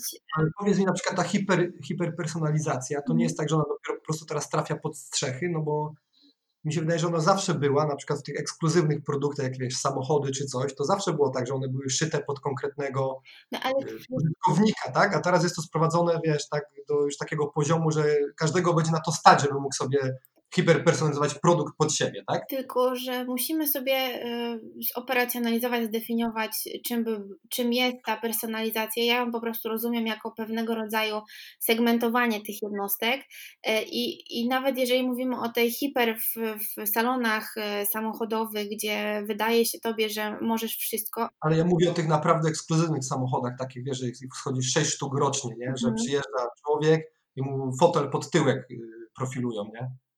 No ale pewnie tam też są jakieś, wiesz, preferencje i referencje, w ramach którego oni mogą to zrobić, bo gdyby on sobie życzył, żeby on się jeszcze kręcił dookoła własnej osi, bo taka jest jego potrzeba, no to być może tutaj już Wiesz, no, na akurat wchodzi w trend samochodu, znaczy w sensie, w sensie no, samochód to samochód, no musi mieć jakieś ramy swoje. No, no właśnie, ale tu wchodzimy w taki zakres tego, że musielibyśmy sobie wyznaczyć co, co od czego, nie? Żeby, żeby tym mówić. Wiadomo, że jeśli chodzi o taką indywidualizację i te usługi, które są usługami luksusowymi, no to one są stricte dostosowane pod określoną wąską bardzo grupę, która ma więcej przywilejów i, e, i, przez to też przez więcej zasobów po prostu e, no więcej w tych aspektach produktowych e, mogą, jakby to źle nie brzmiało. Mhm. Mhm. Super, ja się tak zastanawiam, mam, mam takie poczucie, gdzie, mm, gdzie się kończy trend, a zaczyna się, mm, nie wiem jak to nazwać. No dobra, mniejsza z tym. Jak, jak, jak, jak mi się to zdefiniuje w głowie, to, e, to, e, to Pamiętaj, że e, Sonia już mówiła, że trend się wcale Tak. tak nie kończy. Nie da się wy- wyznaczyć takiej, wiesz, daty jak w porze kalendarzowej. Coś zanika, zaczyna się jakaś inna odnoga, powraca trend i tak dalej. Więc Zakładam, czy że jeżeli on dojdzie do tej warstwy takiej y, osób, które są konserwatystami, którzy oponują zmiany i ich po prostu nie chcą, boją się ich i on tam trafi i przechodzi przez tą warstwę, to wtedy można powiedzieć, że jakby te koło jest pełne. Natomiast no, on też generuje kolejne zmiany, więc w takim, w takim modelu on jest po prostu cały czas żywym organizmem. Ja jak, już wiem o co, chcia, o, o co chciałem zapytać, bo gdzie się kończy trend, a zaczyna się innowacja? Chodzi mi o ten punkt taki styku, gdzie, e, gdzie dany trend albo zalążek tren- trendu, albo skąd się w ogóle bierze trend, który jest innowacyjny. Nie? E, to jest takie e, pojęcie, pewnie zahaczymy o, o jakieś filozoficzne tematy, a, ale y, czy w ogóle jesteśmy w stanie to zmapować, czy to jest jakieś dzieło, e, dzieło przypadku, nie? że jest potrzeba innowacji w obszarze, nie wiem, poprawienia e, personalizacji jakości kosmetyków i, i, i z tym bidonem, o którym rozmawialiśmy i to się, i to się skądś wzięło, ktoś, ktoś zauważył, że trzeba personalizować. To jest pierwsza część pytania. Mhm. A druga część pytania, na ile trendy wędrują? W sensie, że jest trend na personalizację w kosmetyce, ale trendu na personalizację, nie wiem, w kopalkach e, czy tam w wiertarkach próżniowych nie ma. Justyny, to tutaj możemy się posłużyć takim narzędziem, które się nazywa e, Cultural Cross Analysis, na przykład i sobie zmapować, gdzie ta hiperpersonalizacja się pojawiła, w jakich segmentach branży i też wskazać pewnego rodzaju prawdopodobieństwo, gdzie dalej może on powędrować, jaką ścieżką i być może e, jak on się może pojawić w tych koparkach, tak? Bo pewnie za jakiś czas on finalnie e, tam dojdzie. się pojawi. Tak, tak. Nawet jeżeli to będzie drobna zmiana, wiecie, y, doty, dotycząca zagłówka, bądź też jakiegoś y, y, przycisku albo takiego elementu, który dla nas, pewnie dla laików jest nie, niezauważalny. Mm, Jeśli chodzi o innowacje i trendy, to to jest zjawisko ze sobą e, powiązane, y, bo innowacja to jest proces, który przechodzimy od idei do, do pewnego produktu, usługi, już do, do większego, no po prostu do, do wdrożenia, do czegoś, do zmapowania tego. I mam wrażenie, że bardzo blisko siebie są na poziomie tej um, ideacyjności, e, trendy z innowacją, a potem trochę te drogi ich się e, rozjeżdżają, ale no to są kompatybilne ze sobą pojęcia, one ze sobą współgrają, bo nie każda zmiana, tak jak nie każda innowacja jest innowacyjna, nie? Tak jest. Jeszcze mam taki problem z innowacją, że innowacja jest różnie postrzegana w różnych branżach. Tak. W takim sensie, że e, innowacja dla branży, nie wiem, sprzedaży samochodów będzie całkiem inna niż ta innowacja, którą e, postrzega na poziomie takim globalnym, nie wiem, Elon Musk na przykład, albo Chińczycy wysyłając sondę załogową na Księżyc, nie? To no, prosty temat, nie? No, jak najbardziej. No tak, bo coś, co w e-commerce istnieje od 20 lat, nagle wchodzi do świata, gdzie te sprzedają samochody, tak jak teraz przy covid i nagle staje się innowacją w danej branży, tak? No a system edukacji u nas w tej w, w, w pandemii, dla nas praca zdalna czy praca warsztatowa może nie była jakimś tam chlebem powszednim, natomiast pewnie wykonywaliśmy takie warsztaty, a edukacja, która trwa tyle e, już dziejów, e, nigdy nie, nie dotknęła e, pracy zdalnej i nikt nie umie. No tak, właśnie było widać, jak położyli pięknie temat. Jak, jak nie jesteśmy przygotowani na takie, na takie sytuacje, więc... Na przejście, na przejście, na, to na o czym Ty powiedziałaś, tak, że, że fajne jest to ćwiczenie, że można sprawdzić, można może nie przewidzieć, ale przepracować, być przygotowanym na to, że dany trend przejdzie z jakiejś branży na inną. Natomiast tutaj byliśmy tego zupełnie nieświadomi, nieprzygotowani. Nikt było to dla nas abstraktem, że tak naprawdę edukacja dzieci może być w świecie wirtualnym, że nie będzie odbywała się face to face. A paradoksalnie ona cały czas odbywa, nie? Cały czas ta edukacja się odbywa w świecie wirtualnym. Jakbyśmy patrzyli na zmianę zachowań młodzieży i dzieci, to one tylko i wyłącznie się uczą online. Moja kuzynka mi ostatnio powiedziała, że ona, yy, słuchajcie, żeby ją zacytować, yy, czytała wideo streszczenie lektury. I ja się zaczęłam zastanawiać, jak to jest robione. Mówi, że no ktoś y, czyta, jest pokazana, ale ona tylko i wyłącznie słucha, czy ona to traktuje, jakby przeczytała. Więc oni cały czas się. Y, mega, ale mega przykład, powiedzcie, super. I mnie to rozbiło, ja to mam w pamięci, bo ja się zastanawiałam, chociaż ja się pokusiłam w wieku o to, żeby przeczytać streszczenie zwykłe, a tutaj już są e, takie, takie modele i oni faktycznie w tym funkcjonują, dla nich to jest totalnie naturalne, więc dla nich ten internet i nauka przez to, to nie była jakaś, e, to nie była jakaś abstrakcja. Oni Ale dla systemu już tak. A dla systemu to w ogóle jest... Tak, dla nauczycieli zwłaszcza. No tak, no, którzy są częścią systemu, tak? Tak, ale no tak, przygotowania no, sprzętowego, technologicznego. Ale ludzie ludźmi, nie? No jak... jak na przykład mój, mój kuzyn dostał, znaczy kuzyn, no, jego córka dostała zadanie z WF-u, żeby namalowała wiosnę, no to wiesz. Z WF-u? pewnych rzeczy też nie ukrywamy, nie jesteśmy w stanie jeden do jeden przełożyć e, online, a jeżeli są usilne próby ćwiczenia z dziećmi na, e, na kamerkach, czy jakieś takie inne rzeczy, wiadomo, że te dzieci mogą te kamerki wyłączyć, są różne inscenizacje, zasypiania, no, druga moja kuzynka wstawała o 11 i za każdym razem mówiła, że ma lekcje odwołane, e, bo, bo zasypiała. Ja, ja to rozumiem, bo gdybym była w jej wieku, to pewnie też bym mm, też bym tak, e, tak robiła, natomiast... No, poza infrastruktura, trzeba mieć przygotowaną infrastrukturę, bo streamowanie obrazu i dźwięku to już trzeba tak, mieć łącze. Tak, tak, a jak mamy szkoły, w której jest jeden komputer i mamy też y, nadal 96% Polaków ma tylko i wyłącznie dostęp do, do nowych technologii, którą jest internet, więc nadal jest 4% Polaków, w której te, y, internetu tego nie ma. I nie możemy oczekiwać, że w rodzinach wielodzietnych, gdzie jest pięcioro czy siedmioro dzieci i jest jeden komputer, bądź też nie ma go w ogóle, że te dzieci będą w stanie się w ogóle uczyć. Dokładnie. I połączyć każdy z nich rzeczywiście na zajęcia. Tak. No dobrze, słuchajcie. E, bardzo fajna dyskusja. E, może tak e, już finiszując, bo rozmawiamy godzinę 15 minut, finiszując, porozmawiajmy jeszcze o, o tych innowacjach, które realizują pewne trendy lub wpisują się w pewne trendy. I ja myślę tutaj mocniej o technologii, czy to jest, nie wiem, VR, AR, czy to są e, czy, czy może literalnie jesteśmy w stanie wymienić jakieś rozwiązania, produkty, e, startupy, usługi, whatever, cokolwiek, co, co się wpisuje w jakieś trendy. No tak już podsumowując.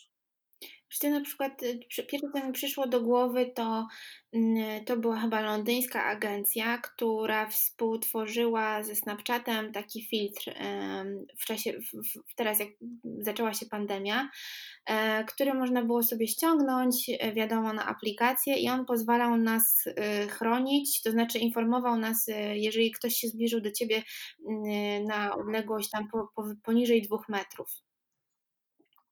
No i... A to jest to, że jak ktoś był zarażony, to dostawałeś informację, że miałeś kontakt z zarażoną osobą? Tak, i to jest druga e, odsłona, że dostałaś, dostawałaś taką informację, że jednak to, to skanowanie e, było zewnętrzne, no i można powiedzieć, że w jakiś sposób tam poczuwaliśmy się e, bezpiecznie. Ja nie, nie ściągnęłam sobie tej aplikacji, nie wiem, czy ona w ogóle u nas w Polsce działała, ale faktycznie mój znajomy ją miał, opowiadał, mówi, że to było trochę dziwne, jak ten dźwięk tam e, dzwonił i się pokazywał ten komunikat, natomiast no, się w jakiś sposób e, bezpieczni, wędrując chociażby w przestrzeni publicznej.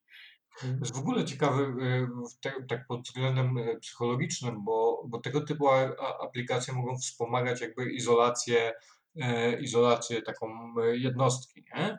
Tak, introwertycy mieli raj. Tak, ja powiem Wam, że u mnie się właśnie ta introwertyczna jakaś cecha mocno tak zdominowała mnie przez ten czas. Ja nawet czułam się e, swobodnie, jakoś specjalnie nie narzekałam, ale rozmawiałam też z psychologami. E, no i mają. E, żniwa to źle zabrzmi, natomiast owocny okres teraz, ponieważ dużo osób, które miało jakieś jakkolwiek y, zaburzenia czy tendencje do różnych stanów y, skrajnych, to faktycznie ten, ten okres pandemii to, to wspomógł. My też jesteśmy takim społeczeństwem, które no, które się zaczyna izolować, ten kontakt, e, kontakt bezpośredni y, coraz mniej jest nam potrzebny. Są rozwiązania technologiczne typu Kissenger, nie wiem czy o tym słyszeliście. Taka nakładka na telefon razem z aplikacją i to jest w kształcie ust i ta nakładka, kiedy ją dotykasz ustami, przesyła Ci podobne wibracje e, jak przy pocałunku. I druga osoba, z którą chciałbyś się pocałować, też musi mieć taką nakładkę, żebyście razem czuli ten sam to samo wrażenie. Człowiek demolka, jak oni się tam rozmrozili. Nie wiem, czy oglądałyście. No więc no. są takie rozwiązania, czy właśnie kołdry obciążeniowe, które pochodzą tak naprawdę od problemów sensorycznych, bo dzieci jak mają problemy sensoryczne e, z, z czuciem, z tym czuciem e, głębokim czy z powierzchniowym, to wykorzystuje się takie kołdry obciążeniowe, one są dostosowane do wagi e, i to jest produkt typowo leczniczy dla dzieciaków z zaburzeniami integracji sensorycznej i na tej podstawie powstały kołdry obciążeniowe, które mają nam stymulować i symulować dotyk drugiego człowieka. No, także no... No chore, nie chore. Potrzebne chyba.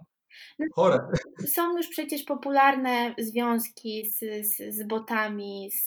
Tak, w Japonii zwłaszcza tak. tam co chwilę wyskakuje, że ktoś się zmiotło ożenił czy z czymś tam. Ludzie przecież biorą ślub y, z budynkami. Y, ostatnio oglądałam też taki program, że jest kobieta, która zakochała się w budynku i jakby ja to totalnie rozumiem i, i akceptuję pewnie y, Wydaje się to e, dziwne, natomiast no, jesteśmy różni. No, czekaj, czekaj, tutaj musimy podciągnąć wątek, kiedy to jest e, zachowanie, nazwijmy to umownie normatywne, a kiedy mhm. to jest zaburzenie. Czy jesteśmy w stanie zdefiniować, czy na przykład trendem jest przy, y, przesuwanie jakby tej normatywności e, w stronę, e, no ja jestem człowiekiem e, z rocznika 80, więc dla mnie to jakby naturalnie, tak, że tak powiem, etymologicznie to jest dla mnie troszkę zaburzenie, nie? Troszkę to jest eufemizm, nie? Ja Wam nie odpowiem na, na tym poziomie, czy to jest zaburzenie, czy to nie jest, bo to nie są moje kompetencje, natomiast trend też etymologicznie e, i z tych jakby z, z, z powiązań związany jest z pojęciem e, anormalności i czegoś, co odbiega od normy. Coś, co nie jest jakby kierunkiem dominującym, co się pojawia, gdzieś tam się, można powiedzieć, wychyla. Z, natomiast nie wiem, czy to tak można jeden do jeden przełożyć. Ja bym tutaj się bała. No to są, No. to są, wiecie, indywidualne jakieś też, też zachowania. I To nie jest jakąś taką tendencją, która jest tendencją y, bardzo popularną, y, masową, natomiast te- związki, no my jesteśmy w związkach z naszymi telefonami, no przynajmniej ja jestem w stałym związku, mam ten telefon zawsze, więc można powiedzieć, że jest moim partnerem i nieświadomie czasami wchodzimy w takie relacje. No tylko czy A kwestia... to jest, a to jest ciekawe, co powiedziałaś. Wydaje mi się, że wiele osób nie zdaje sobie z tego sprawy. Yy, Nie. No, nie, No nie, teraz nie, telefon wszyscy noszą i jakoś nikt nie zwraca po prostu na to uwagi też, nie? tak, no bo mamy to nie? Ja zauważyłam u siebie taką tendencję, że jak nie mam telefonu albo mam rozładowany telefon, to od razu poczucie bezpieczeństwa u mnie spada. Tak, jest niepokój. Jest tak, no. Mhm. A to wszystko, no, jest. Śmiejemy się z dzieciaków, które są, nie wiem, e, pokoleniem alfa, rocznikami tam urodzonymi po 2000 roku, e, że one nie mogą żyć bez, e, bez Wi-Fi i, i bez energii. No, wydaje mi się, że my również już. Mhm. To prawda. Dobrze, to co? E, Podsumowujemy? To książki? Słuchajcie, mam polecić książki. Jeszcze chwilę książki. E, Ja bym chciał, żebyśmy podsumowali. Żeby każdy z nas powiedział kilka słów o tym, e, co myśli o tych trendach. Tak naprawdę, co robić? E, Robiliśmy sobie takie e, przystanki i jakby kierowaliśmy e, uwagę słuchaczy na to, co jest tak naprawdę istotne w kontekście tego, o czym my mówimy, w kontekście ich biznesu, poczynań, Mhm. jakby mapowania tych trendów i tak dalej, i tak dalej. E, Ale może się pokusimy, nie wiem, co o tym myślicie, na taką holistyczne, takie holistyczne podsumowanie tego, co dzisiaj usłyszeliśmy, bo mam takie wrażenie, słuchajcie, że padło tutaj dużo, e, nie chcę powiedzieć objawi, objawionych rzeczy, ale dużo, dużo istotnych informacji dużo istotnych słów, które są e, potrzebne do tego, żeby tak właściwie mieć e, perspektywę i poszerzoną percepcję do po- postrzegania świata, jak funkcjonuje teraz. I to, i to właściwie chyba jest moje podsumowanie. Paulina? Y, Ja w ogóle się bardzo cieszę, że, że mamy Sonię na pokładzie i nie ukrywam, że Sonia jest na przykład osobą, y, dzięki której ja w ogóle poznałam znaczenie trendu i, y, i, i to, jak ja bym mogła tą całą y, rozmowę podsumować, y, szczególnie zwracając się mm, do przedsiębiorców, do osób, które nie są z tym po prostu na co dzień, że trendy to nie jest y, jakiś przebłysk, to jest realne narzędzie, realne zjawiska, które warto analizować, które mogą wpłynąć realnie na strategię, na przyszłość Twojego biznesu, na projektowanie przez Ciebie produktów czy usług skierowanych do Twoich konsumentów, do Twoich użytkowników. I życzyłabym sobie, żeby każdy przedsiębiorca po prostu o nich e, pomyślał, zrobił ten pierwszy, zrobił ten pierwszy krok, był ciekawy e, i postarał się widzieć, że jest wiele scenariuszy rozwoju, nie tylko jeden właściwy, tylko jest ich mnogość, trochę jak w Matrixie e, i warto mieć po prostu takie poczucie, że to nie jest tylko jedna sztywnie wytyczona droga, a po prostu morze możliwości. Kuba, Sonia, Ciebie zostawiamy na deser. Co mi się podobało, że wybrzmiało to, że to jest jednak ciężka praca, którą trzeba podjąć, żeby coś zmienić w świecie. I że to nie następuje z dnia na dzień, tylko jednak musi chwilę potrwać. Myślę, że każdy powinien mieć tego świadomość, że jednak to, tego się nie da zrobić w 5 minut, nie? Tak, to jest prawda i ja się pozwolę e, zgodzić sobie z, z przedmówcami.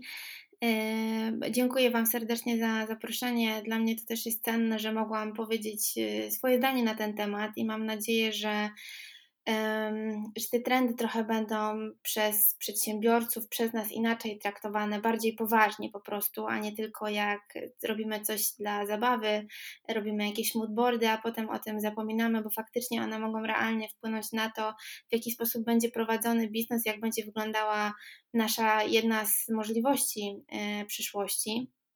Także zachęcam wszystkich naprawdę do pracy nad, e, nad trendami, nad tym, żeby pochylić się nad tym, co Was otacza, żebyście obserwowali rzeczywistość, żebyście starali się e, ją zeskanować, e, przeanalizować, a potem po prostu gdzieś tam zastosować. Nawet jeżeli to będą drobne kroki, to uwierzcie mi, że to przyniesie wymierny, mm, wymierny zysk dla Was niekoniecznie musi być na początku on finansowy, natomiast jeśli chodzi o taki poziom e, odfinansowienia e, tego, czym jest chociażby, nie wiem, kapitał, e, to, to na pewno to kapitał intelektualny e, wzbogaci. Także poszukujcie tych trendów. Sami ja zawsze do tego zachęcam, bo jeżeli już usiądziemy na tych warsztatach i przejdziemy przez te narzędzia, pochylimy się nad tym wszystkim, przeczytamy kilka rzeczy, zaczniemy ze sobą rozmawiać, to okazuje się, że nagle wszyscy mają naprawdę mega ciekawe propozycje tego, co może się wydarzyć.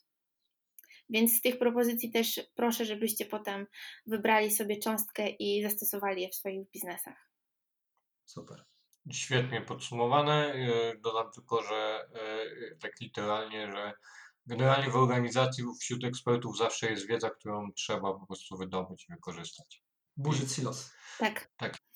E, no to są książki. Książki, dobra, słuchajcie. Ja zacznę od, od najmniejszej. Bo tak sobie je ułożyłam. To jest książka, która. Musisz mówić, bo tylko my widzimy, wiesz? Aha, dobra, sorry. To jest książka e, Malcolma Gladwella, która się nazywa Tipping Point, czyli punkt przełomowy, punkt krytyczny. Serdecznie wszystkim ją polecam, bo ona też trochę mówi o tym, e, kiedy możemy i też w jakich grupach wyczuć ten moment, gdzie jest przełom, czyli gdzie nasz produkt, usługa czy w ogóle jakaś zmiana może się okazać taką dominującą w rzeczywistości i może faktycznie ona coś zmienić i, i nabrać jakiegoś nowego znaczenia. Jest to, są też, jest polski odpowiednik, znalazłam e, na e-booku, więc serdecznie, serdecznie polecam klasyk, czyli Naisbitt John i megatrendy. Tu jest opisane 10, 10 megatrendów, mega zjawisk, w tym chociażby globalizacja, czyli trend, którym już jest naszą rzeczywistością i nowoczesnością tak naprawdę. One też są e, dosyć przystępne, tutaj nie trzeba mieć żadnej szczegółowej e, wiedzy, żeby się nad tym pochylić, bo to jest taka publicystyczno-naukowa e, pozycja. Jeśli chodzi o już taką pracę na trendach i o tym, żeby wykorzystywać narzędzia, to na pewno e, Trend Driven Innovation, e, książka, która jest jednocześnie narzędziownikiem i ona nam pozwala przejść przez każdy etap bardzo popularnego narzędzia wykorzystywanego na większości warsztatów, które się nazywa Trend Canvas. I tutaj mamy zarówno case'y opisane, na których bazuje, e, bazują autorzy, którzy są założycielami też popularnego międzynarodowego studia badania trendów, e, i pokazują, jak przejść przez, e, przez to narzędzie, żeby faktycznie z napisania pomysłu można było e, je wdrożyć. E, I też klasyk, e, słuchajcie, to jest anatomia trendów Walejgarda. Mm, tutaj jest opisane dokładnie, czym są trendy, jakie też się dzielimy, jaka jest struktura, jeśli chodzi o te warstwy, które przechodzi, przechodzi trend, e, wszystkie modele. To wiąże się też z książką um, Diffusion of Innovation Rogersa, gdzie tam z kolei jest opisana, jak wygląda innowacja, um, czym ona jest, być może czym teraz już nie jest. Też kolejny narzędziownik, naprawdę go wszystkim polecam. Napisała go fantastyczna e, kobieta, którą miałam okazję poznać, Els Dracht, Holenderka. Książka się nazywa How to Research Trends i to jest faktycznie typowy narzędziownik, gdzie ona pokazuje każdy z etapów, czyli jak analizujemy trendy, jak mamy je obserwować, potem je skanujemy i potem je właśnie stosujemy. Ja sobie takim nazwałam trójkątem i, i tutaj też jest krok po kroku dokładnie wszystko opisane. I smaczek na koniec. E, smaczek dlatego, że to jest książka człowieka, którego osobiście e, uwielbiam i mam z nim sentymentalną historię. To jest e, Martin Raymond, szef LSN Global, też studia badania trendów w Londynie. Książka się nazywa The Trend Forecaster Handbook i to jest taki bardziej przewodnik niż narzędziownik, powiedziałabym. On jest wzbogacony o, o taką już profesjonalną wiedzę, o teorie dotyczące trendów, o też zaktualizowane e, case'y, ponieważ on pojawił się e, w zeszłym roku jako druga edycja. I szczególnie tego pana e, polecam. Super, Super, dziękuję. E, Widzę, że Paulina notowała, będzie czytane. Oczywiście. Ja i książki to jest połączenie idealne. Paulina, ty na pewno też masz jakieś pozycje. Ja cię znam. Co byś poleciła do poczytania? Jejku, w kontekście trendów, szczerze mówiąc, ja się tu zdaję całkowicie na Sonie. Ja nie ukrywam, że znam po prostu narzędzia, e, szczególnie to Trend Canvas, Mm, więc e, to, co ja mogę indywidualnie też z takiej pozycji moderatora warsztatowego, e, który wprowadza takie narzędzia, to po prostu IDEO i case'y e, i poczytanie o tym, jak przejść przez to narzędzie, jak e, zostało ono wprowadzone, przy jakim case'ie warto go było użyć i tak dalej.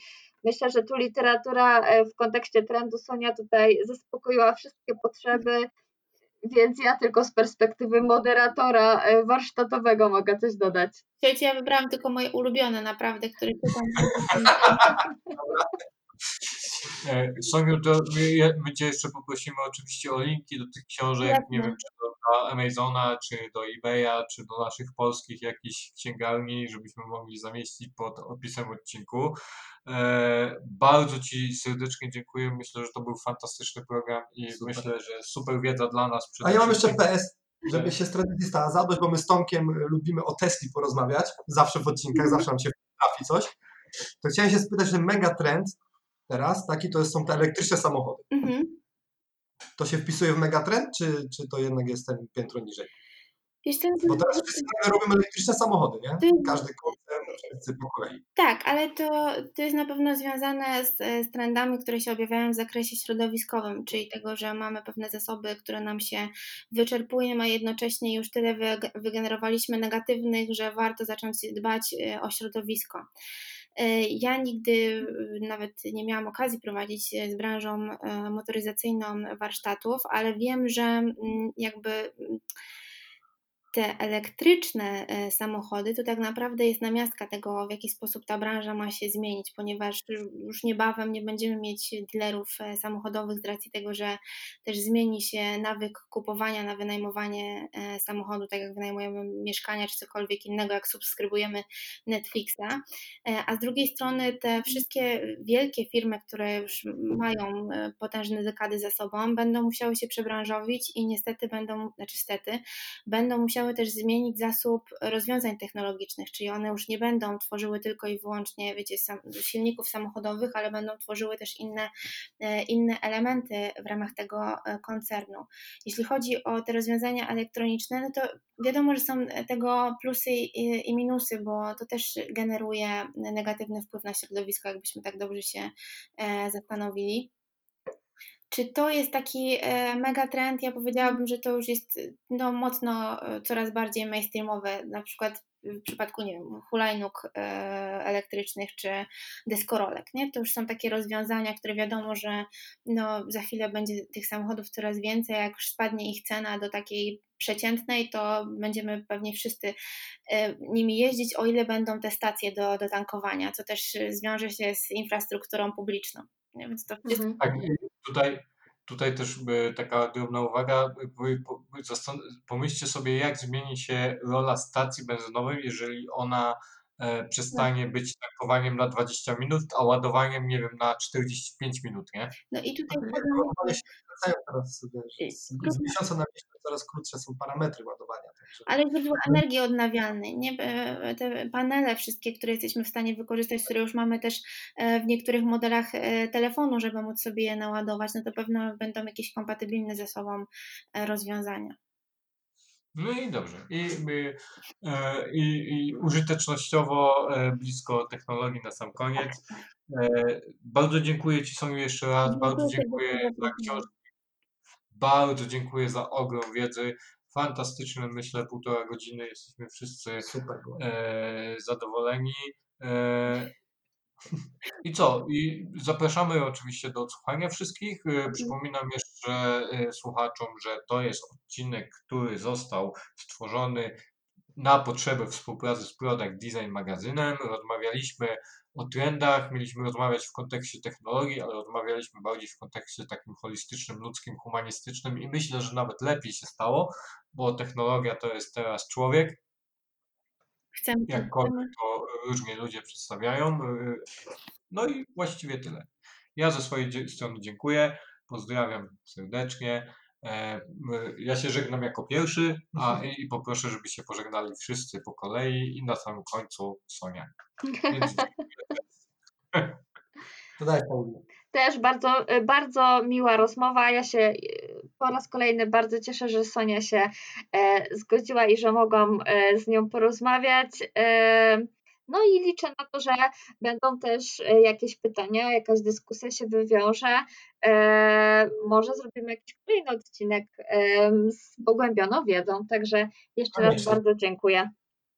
Koniecznie mnie, mnie interesuje bardzo ten wątek warsztatowy, jak się takie warsztaty przeprowadza, tak od strony już mechanicznej, technicznej, logistycznej, nie? Myślę, że to jest super case do, do, do rozmowy. Ja też mam nadzieję, że ktoś skorzysta z tej wiedzy, bo była mega ciekawa i mam na pewno inspirująca. I co, zapraszam na następne odcinki. Ja Wam dziękuję serdecznie naprawdę za wysłuchanie e, mnie, za e, pytania, za ciekawą, ciekawą rozmowę przede wszystkim i za zaproszenie, bo mi niezmiernie, niezmiernie miło, że mogłam z Wami spędzić dzisiejszy wieczór. Dziękujemy. też. Do zobaczenia. Do usłyszenia. Do usłyszenia. Pa.